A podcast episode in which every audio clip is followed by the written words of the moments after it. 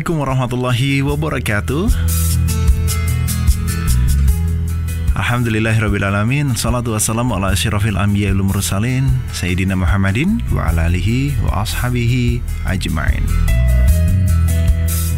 Alhamdulillah puji syukur kehadirat Allah yang senantiasa memberikan kita berbagai nikmat termasuk taufik, hidayah dan juga iman serta Islam sehingga kita masih teguh untuk berjalan di atas koridor syariatnya. Salawat serta salam semoga senantiasa tercurah pada junjungan kita Nabi besar Muhammad Sallallahu Alaihi Wasallam, keluarganya, para sahabat, dan umat yang setia hingga akhir zaman kelak. Kawan, jumpa kembali bersama saya Ahmad Adiasta dalam program High Five. Dan tentu saja program High Five kali ini juga masih akan membahas topik yang hangat di tengah-tengah kita. Kalau kita mengamati media sosial beberapa pekan yang lalu ada beberapa selebritis yang ternyata sangat disayangkan terlibat kasus narkoba.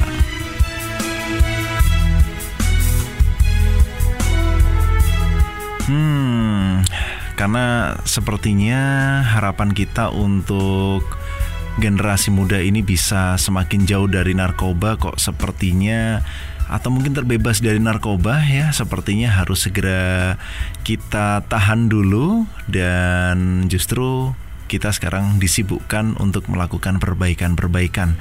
Kenapa? Ya karena memang sepertinya terbebasnya generasi muda dari narkoba ini masih jauh panggang daripada api alias masih butuh banyak proses yang dilakukan dan indikator-indikator yang harus diselesaikan.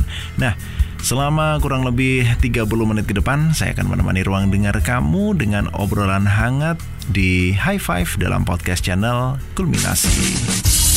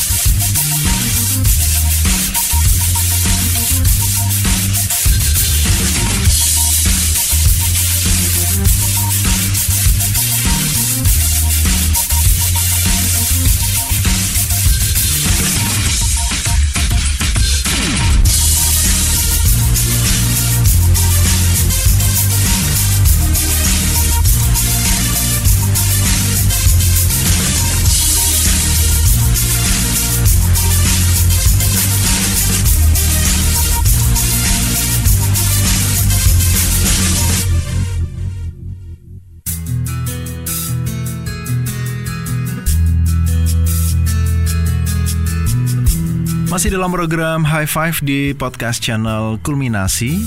Kawan, kayaknya harapan di tahun 2019 ini bakal sepi kasus selebritis yang terkena narkoba.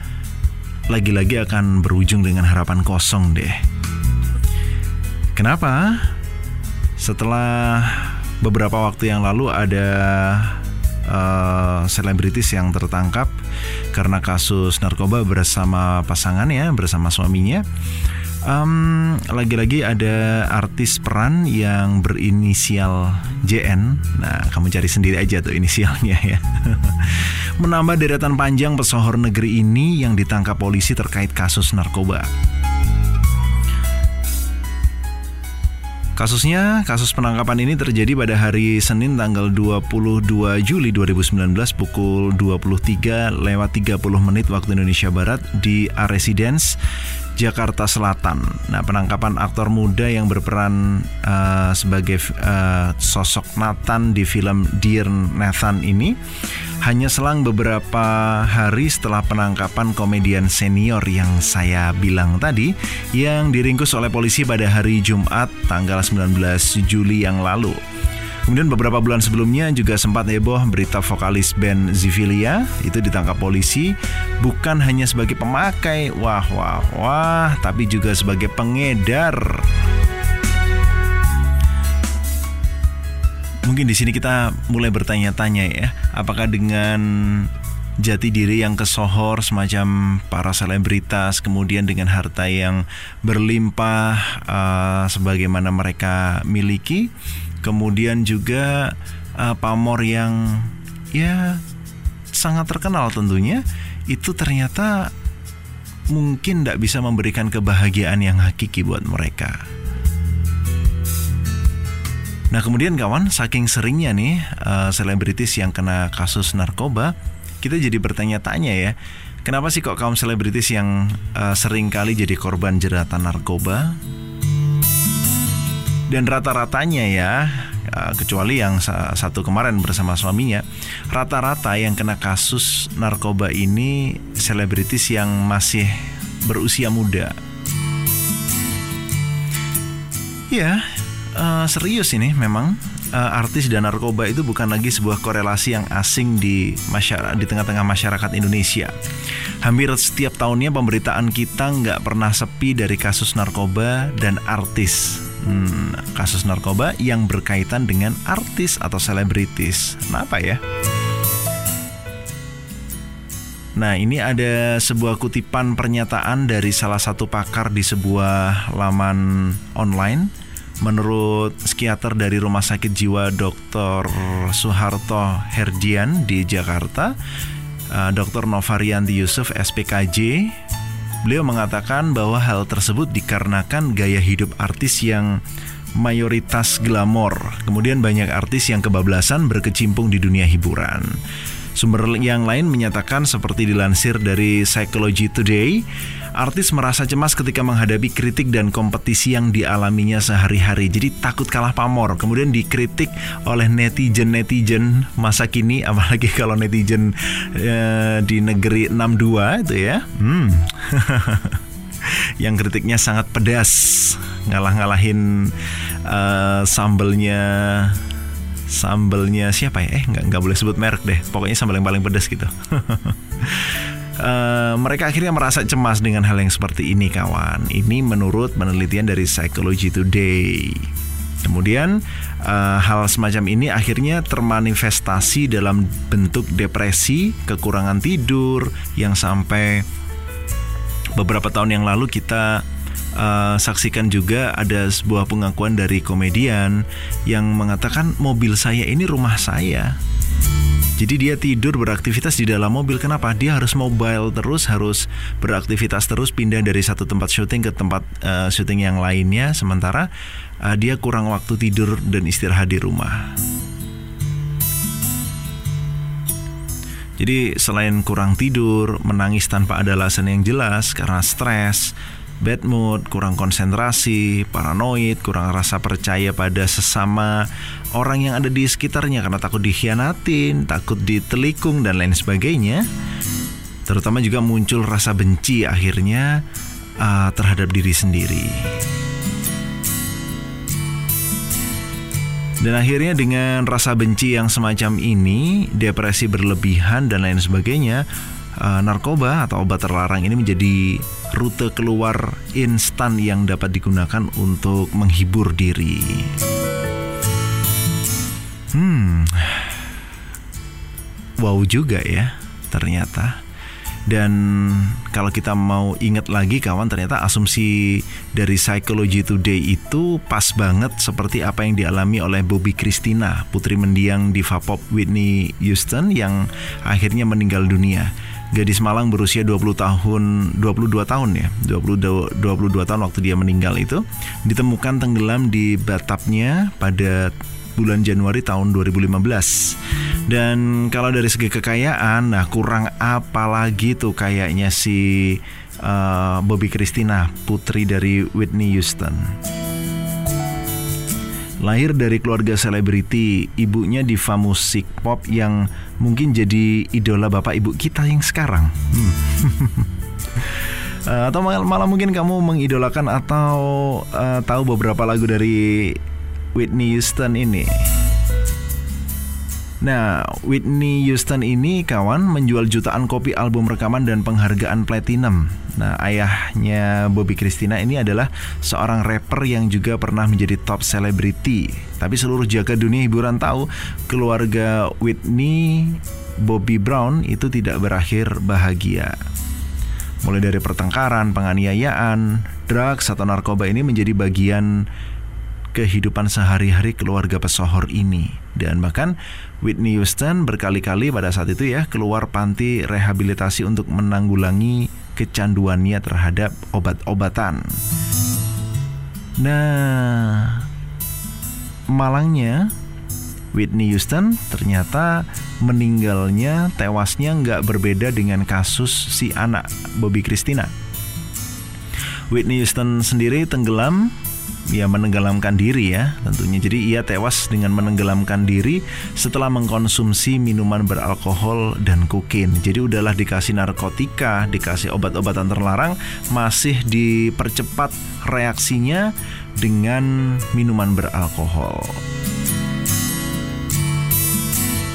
Nah tentunya hal ini sangat miris ya kawan. Sementara um, kawan-kawan kita uh, teman-teman kita, orang-orang yang ada di sekeliling kita, ya kalau nggak bisa dibilang uh, semuanya, ternyata banyak juga yang mengidolakan selebritis semacam ini dan sayang sekali apabila mereka menjadi tokoh bagi uh, sebagian orang kemudian melakukan hal-hal yang tidak semestinya dilakukan oleh seorang panutan. Makanya sebenarnya kalau kita jadi seorang muslim perlu berkaca, perlu mawas diri ya, perlu mengingat-ingat kembali bahwa ternyata ya memang sebaik-baik panutan adalah Rasulullah Shallallahu Alaihi Wasallam, nggak ada yang lain.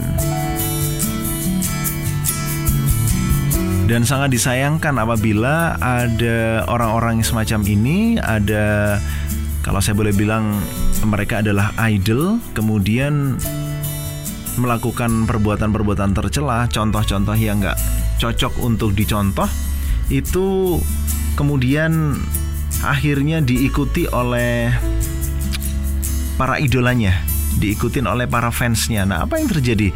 Berapa banyak yang kemudian akan terkena dampak buruk dari eh, hal-hal uh, buruk yang dilakukan oleh uh, para artis tersebut? Bahkan kemarin uh, salah seorang tokoh komedian yang ditangkap karena kasus narkoba itu memberikan pesan kepada teman-teman sesama selebritisnya jangan sampai tergoda oleh narkoba. Jangan sampai coba-coba pakai narkoba karena begitu sudah masuk susah lepasnya. Uh, kemudian apalagi kalau sudah kecanduan, lepasnya, terbebasnya juga susah sekali. Nah gitu udah tahu sebenarnya ya, tapi kenapa dilakukan? Ya karena beberapa hal itu tadi yang saya sebutkan sebelumnya ternyata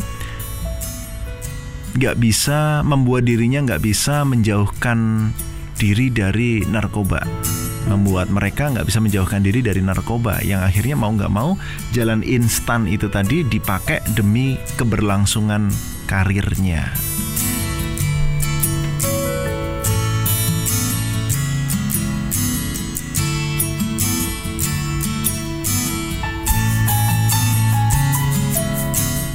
Kalau di episode um, Jomblo Talk beberapa waktu yang kemarin uh, kita sempat bahas dikit ya. Ada kesalahan-kesalahan di dalam hidup manusia, tapi ada dua hal yang nggak boleh dicoba kendati kita belum tahu atau mungkin belum mendalami Islam secara baik. Apa dua hal itu? Yang pertama adalah seks bebas dan yang kedua adalah narkotika. Kenapa demikian? Ya, seks bebas dan narkotika atau narkoba ini uh, ketika sekali sudah dicoba maka bekasnya akan tersisa selamanya seumur hidup. Jadi ya kawan hati-hati. Sepelik apa pun kehidupan, sesusah apa pun kehidupan, kita masih punya sesuatu yang lebih kuat. Kita masih punya zat yang lebih kuat. Kita masih punya uh, sosok yang lebih kuat. Allah Subhanahu wa taala. Jadi separah-parahnya masalah kita, jangan mencari pelarian dalam dua hal tersebut yaitu seks bebas dan juga narkoba. Nah, tentu saja masih ada yang perlu kita bicarakan lagi nih di kesempatan kali ini, di episode kali ini. Jadi jangan ke mana-mana, tetaplah di program High Five dalam podcast channel Kulminasi.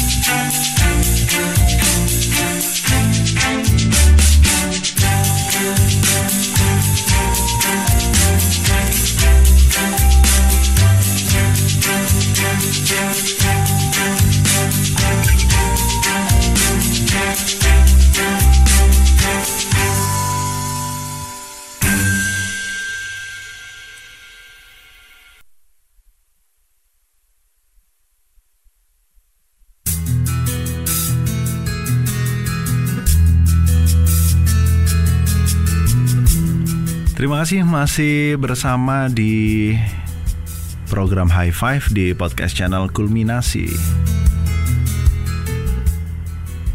Nah, jadi gini kawan, dari tadi kan kita ngomongin dunia selebritis nih ya, bukan berarti semata-mata benci terhadap mereka enggak.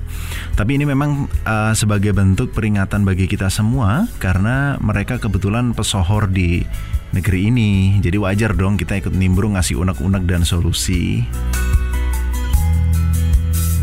Biar kita yang bukan selebritis ini nggak terjerat di kasus yang sama dan juga jangan mentang-mentang artis pujaannya lalu kita punya sikap posesif, wrong or right. Yang penting saya ngefans sama orang itu. Nggak boleh dong kayak begitu ya. Setuju?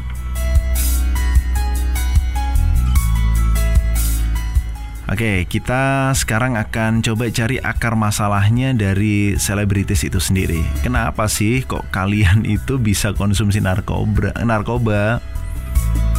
Jadi kalau membaca lagi um, berita-berita yang terkait dengan selebriti kita yang terkait dengan narkoba, sebenarnya kita udah bisa tarik benang merahnya bahwa ternyata para seleb yang udah terlanjur jadi public figure tersebut di satu sisi seperti semacam kena krisis diri, jadi mereka harus um, tampil sempurna, nggak boleh salah dan sebagainya.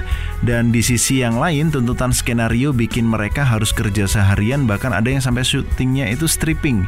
Artinya stripping itu terus-terusan gitu ya. Jadi hari ini syuting ditampilin di layar kaca, hari ini uh, syuting ditampilin lagi di layar kaca.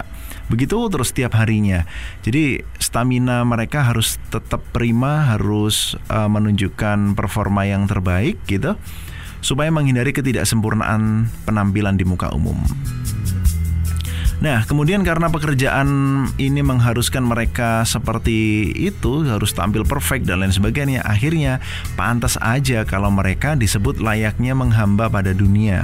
Mereka kejar dunia untuk kesempurnaan, kesempurnaan hidup, tetapi malah narkoba yang jadi pelariannya. Jadi gaya hidup mewah, bekerja tak kenal waktu menjadi keseharian mereka. Nah, jadi kalau masih ada nih kawan yang ngimpi jadi artis or seleb, nah sepertinya harus berpikir ulang.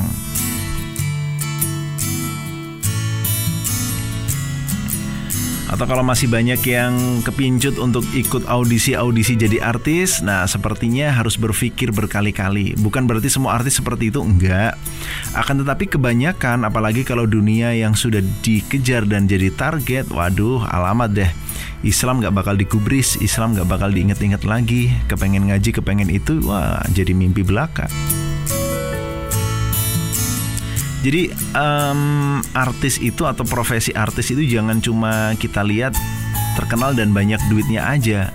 Ya mungkin ada beberapa artis yang mudah untuk mendapatkan dunianya, tetapi yang jadi masalah dan harus dipikirkan adalah lifestyle mereka juga alias gaya hidupnya.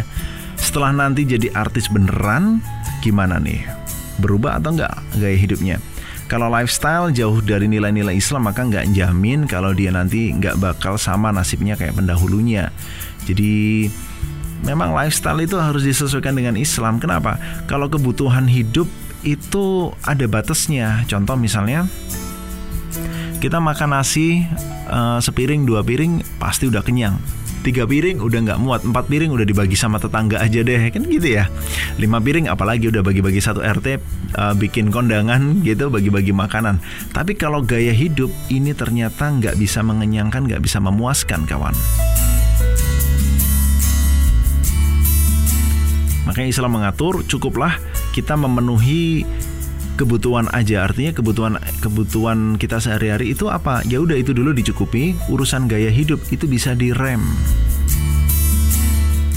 Bisa ditahan. Nggak harus selalu kepengen ganti gadget ganti um, fashion ganti apa lagi ya ya pokoknya berbau-bau gaya hidup gitu deh ganti kendaraan nah nggak harus segera atau serta merta saat itu juga dituruti tahan dulu Nah, maka sebagai bentuk peringatan dari Allah nih, ternyata ada Allah memberikan peringatan buat kita yang masih menghamba pada dunia. Nah, gimana peringatan Allah? Allah berfirman dalam surat Al-An'am ayat 32 yang artinya dan tidaklah kehidupan dunia kecuali hanyalah permainan dan senda gurau belaka. Dan sungguh kampung akhirat itu lebih baik bagi orang-orang yang bertakwa. Apakah kalian tidak mau berpikir? Kata Allah. Atau juga yang masih merasa cemas jika urusan dunianya nggak terpenuhi. Nah, ada nih Rasulullah Shallallahu Alaihi Wasallam juga memberikan nasihat kepada kita, memberikan warning kepada kita. Celakalah hamba dinar. Nah, maksudnya gimana? celakalah orang yang menghambakan diri pada emas dinar. Kemudian celakalah hamba dirham, celakalah hamba khamisah dan hamilah. Ini khamisah itu ya khamis pakaian gitu ya dan hamilah uh, itu sejenis pakaian yang terbuat dari wool atau sutra. Jika diberi ia senang, tetapi jika tidak diberi ia marah. Nah, hadis di yang hadis ini diriwayatkan oleh Bukhari bukan nggak boleh kaya, tapi pembahasan kita sejak awal tadi bahwa ternyata kekayaan yang dicari secara berlebihan, diusahakan secara berlebihan, malah jatuhnya kita diperbudak oleh dunia. Nah, jangan sampai kayak gitu.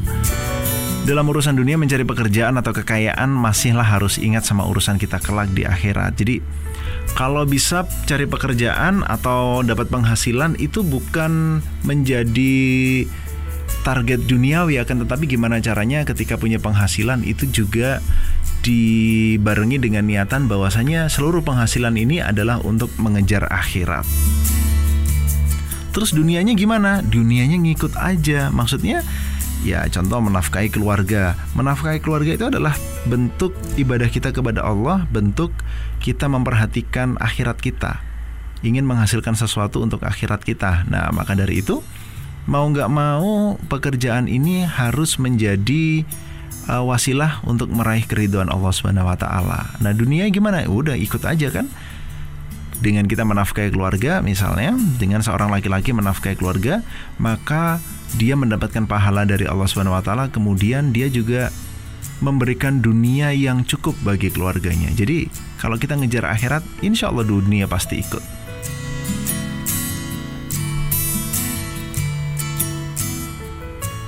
Nah makanya kawan doa kita setiap hari gimana? Robbana atina fit dunya hasanah wa fil akhirati hasanah wa kina adzabannar. Jadi doa yang paling sering dibaca adalah doa supaya dikasih kebaikan dunia akhirat. So, ya jangan jadi hamba dunia.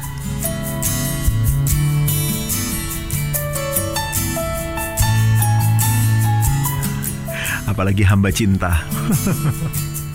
enggak, enggak, enggak. Hari hari Rabu. hari Rabu besok kita ngobrol dalam program Jomblo Talk hari Rabu malam. Ngomongin episode berikutnya bakal ngomongin soal bucin, budak cinta. Kalau hari ini kita ngomong soal budin, budak dunia. nah, uh, Berikutnya kawan, kalau kita ngobrol atau ngomongin soal hukum mengkonsumsi narkoba, ya sudah pastilah, so pasti. Secara umum Islam memang uh, melarang mengharamkan penyalahgunaan narkoba karena salah satunya bisa menghilangkan akal. Maksudnya gimana? Ya bisa bikin akal kita nggak berfungsi secara normal. Kalau detailnya gimana? Ya kalau mau tahu secara detail bisa tanya langsung kepada para ustadz, guru agama, dosen agama, dan lain sebagainya. Tapi yang kita bicarakan uh, di episode kali ini lebih kepada sebab fundamental kenapa seseorang, lebih khususnya selebritis itu terjerat kasus narkoba. Dan tentunya sedikit banyak tadi kita udah uraikan ya sebabnya kenapa mereka sampai uh, terlibat urusan-urusan semacam itu. Nggak enak loh.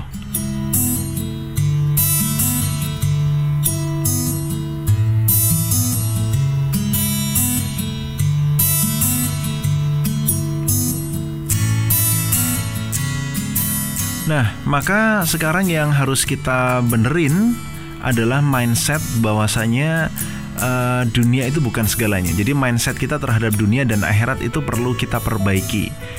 Uh, kita harus sering-sering bertanya, merenung, mengulang tentang tiga pertanyaan penting yang harus kita jawab setiap harinya, setiap waktu, setiap saat.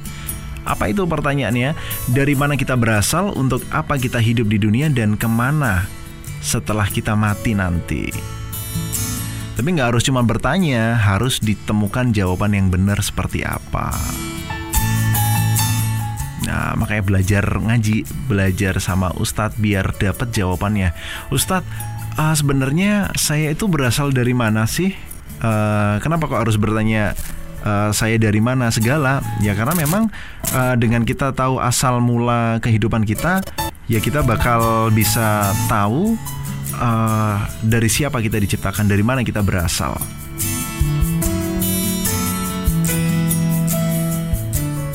Kemudian um, untuk apa sih kita hidup? Tujuan Allah menciptakan manusia di dunia itu untuk apa? Dan setelah mati nanti bakal ngapain? Apakah mati selesai udah begitu aja? Atau ada sesuatu yang lain yang harus saya kerjakan? Nah, jadi cari guru ngaji, cari ustadz yang bisa mengajarkan dan ngasih jawaban itu dengan tuntas. Sebab ujung dari jawaban terhadap pertanyaan itu tadi, tiga pertanyaan itu tadi, itu akan mengubah mindset kita terhadap hidup kita.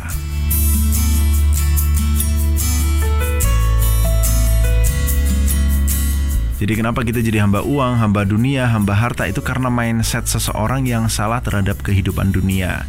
Jadi kalau mindset orang tersebut benar, maka orang tersebut akan berkesimpulan bahwa puncak dari kebahagiaan bukan hanya ada di harta, tahta, dan wanita.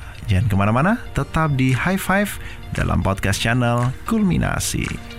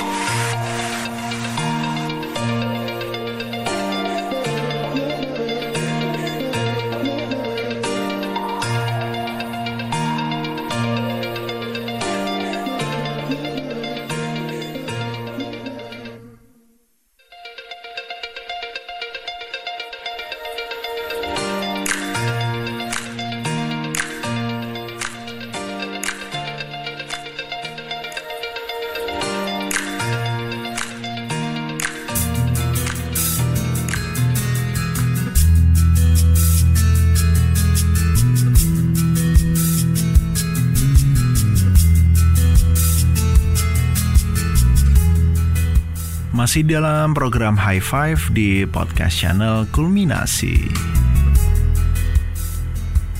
Nah kawan kalau tadi kita ngobrolin soal pertanyaan-pertanyaan yang harus dijawab itu Ternyata kalau sudah selesai dijawab mindset kita benar Maka kita akan berkesimpulan bahwa puncak dari kebahagiaan itu bukan terletak pada harta tahta wanita, banyaknya pemuja uh, atau fans gitu ya. Melainkan puncak kebahagiaan adalah ketika seseorang meraih ridha Allah. Loh kok bisa? Ya bisa. ya kan buat apa kita dapat segalanya di dunia tapi kalau Allah nggak ridho sama kita kalau Allah nggak ridho kita cuma dapat dunianya doang akhiratnya rugi dan hal tersebut tentunya bertentangan dengan um, apa yang kita bicarakan tadi ya. doa kita dengan doa kita yang memohon kebaikan di dunia dan akhirat. Maka kalau udah kita benerin mindset, lalu apakah masalah narkoba selesai? Ya enggak juga. Enggak semudah itu Ferguson. Ya. kan ceritanya selebritis atau kita sebagai manusia biasa itu hidup di dunia di tanah air kita ini kan nggak sendiri hidup bersama orang-orang lain dan hidup di bawah sebuah sistem negara Nah, kalaupun mindset sudah benar, jangan lupa ada orang lain yang mindsetnya tentang hidup beda dengan kita. Terus, kalau mau berusaha meluruskan mindset masyarakat, tentunya kan kita juga harus sadar bahwa di negeri ini ada tata aturan hukum, begitu, ada aturan-aturan hukum, dan hukum yang ada harus juga hukum yang uh, bikin jerah dan jangan pilih kasih terhadap pelaku narkoba. Jadi jangan mentang-mentang selebritis dihukumnya cuma beberapa bulan habis itu dilepasin lagi. Jangan dong ya. Nah, makanya khusus untuk kasus narkoba yang menjerat selebritis nggak sepenuhnya ternyata salah si selebritis, masyarakatnya yang sekuler yang memisahkan antara kehidupan dengan uh, agama yang meminggirkan prinsip-prinsip Islam dari kehidupan jelas juga salah dalam hal ini. Sebab masyarakat yang sekuler ini akan tetap melahirkan selebritis-selebritis yang sekuler pula. Jadi perumpamaan masyarakat yang rusak seperti pernah disabdakan oleh Rasulullah SAW itu e, ibarat orang yang mengingkari kemungkaran dan orang yang terjerumus dalam kemungkaran adalah bagaikan suatu kaum yang melakukan undian dalam sebuah kapal. Nantinya ada sebagian yang berada di bagian atas dan sebagian lagi di bagian bawah kapal tersebut yang berada di bagian bawah kala ingin mengambil air tentu ia harus melewati orang-orang yang ada di atasnya. Maka berkata mereka, andai kata kita membuat lubang saja sehingga tidak mengganggu orang-orang yang berada di atas kita. Nah, seandainya yang berada di bagian atas membiarkan orang-orang yang di bawah menuruti kehendaknya, niscaya semuanya akan binasa. Betul nggak? Namun jika orang bagian di atas melarang orang-orang bagian bawah berbuat demikian, melubangi bagian bawah kapal, Tentu saja semua mereka akan selamat dan selamat pula seluruh penumpang di atas kapal tersebut. Hadis ini direwetkan oleh Bukhari. Nah, maka kawan, di tengah-tengah masyarakat yang sekuler ini harus ada aktivitas untuk meluruskan pemahaman, yaitu aktivitas dakwah.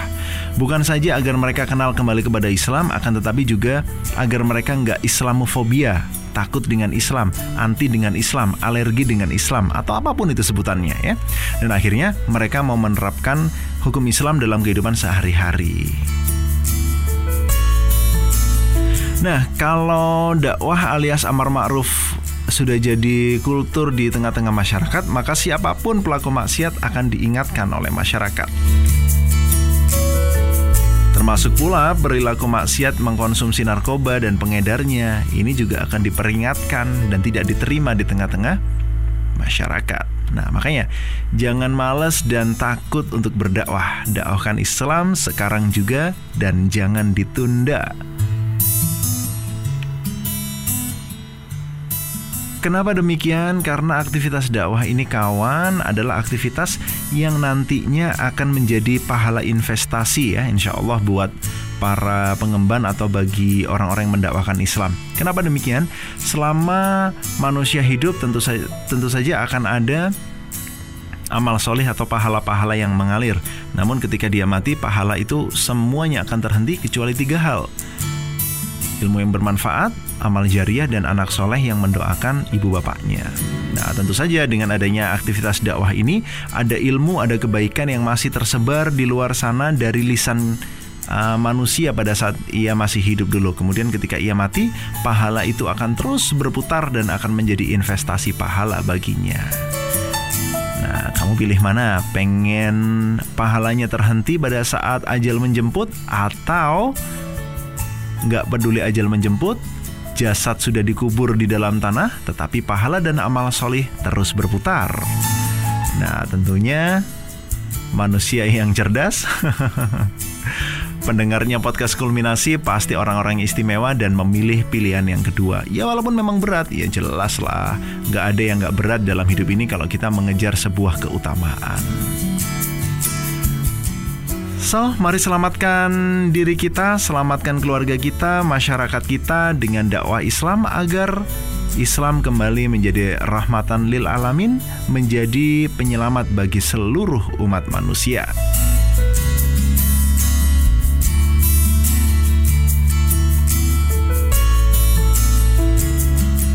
Dan Alhamdulillah setelah 30 menit membersamai kamu di ruang dengar Saya Ahmad Adiasta harus segera pamit undur diri Dan insya Allah kita akan ketemu di episode-episode selanjutnya. Bila taufiq walidayah wabirida walinaya. Assalamualaikum warahmatullahi wabarakatuh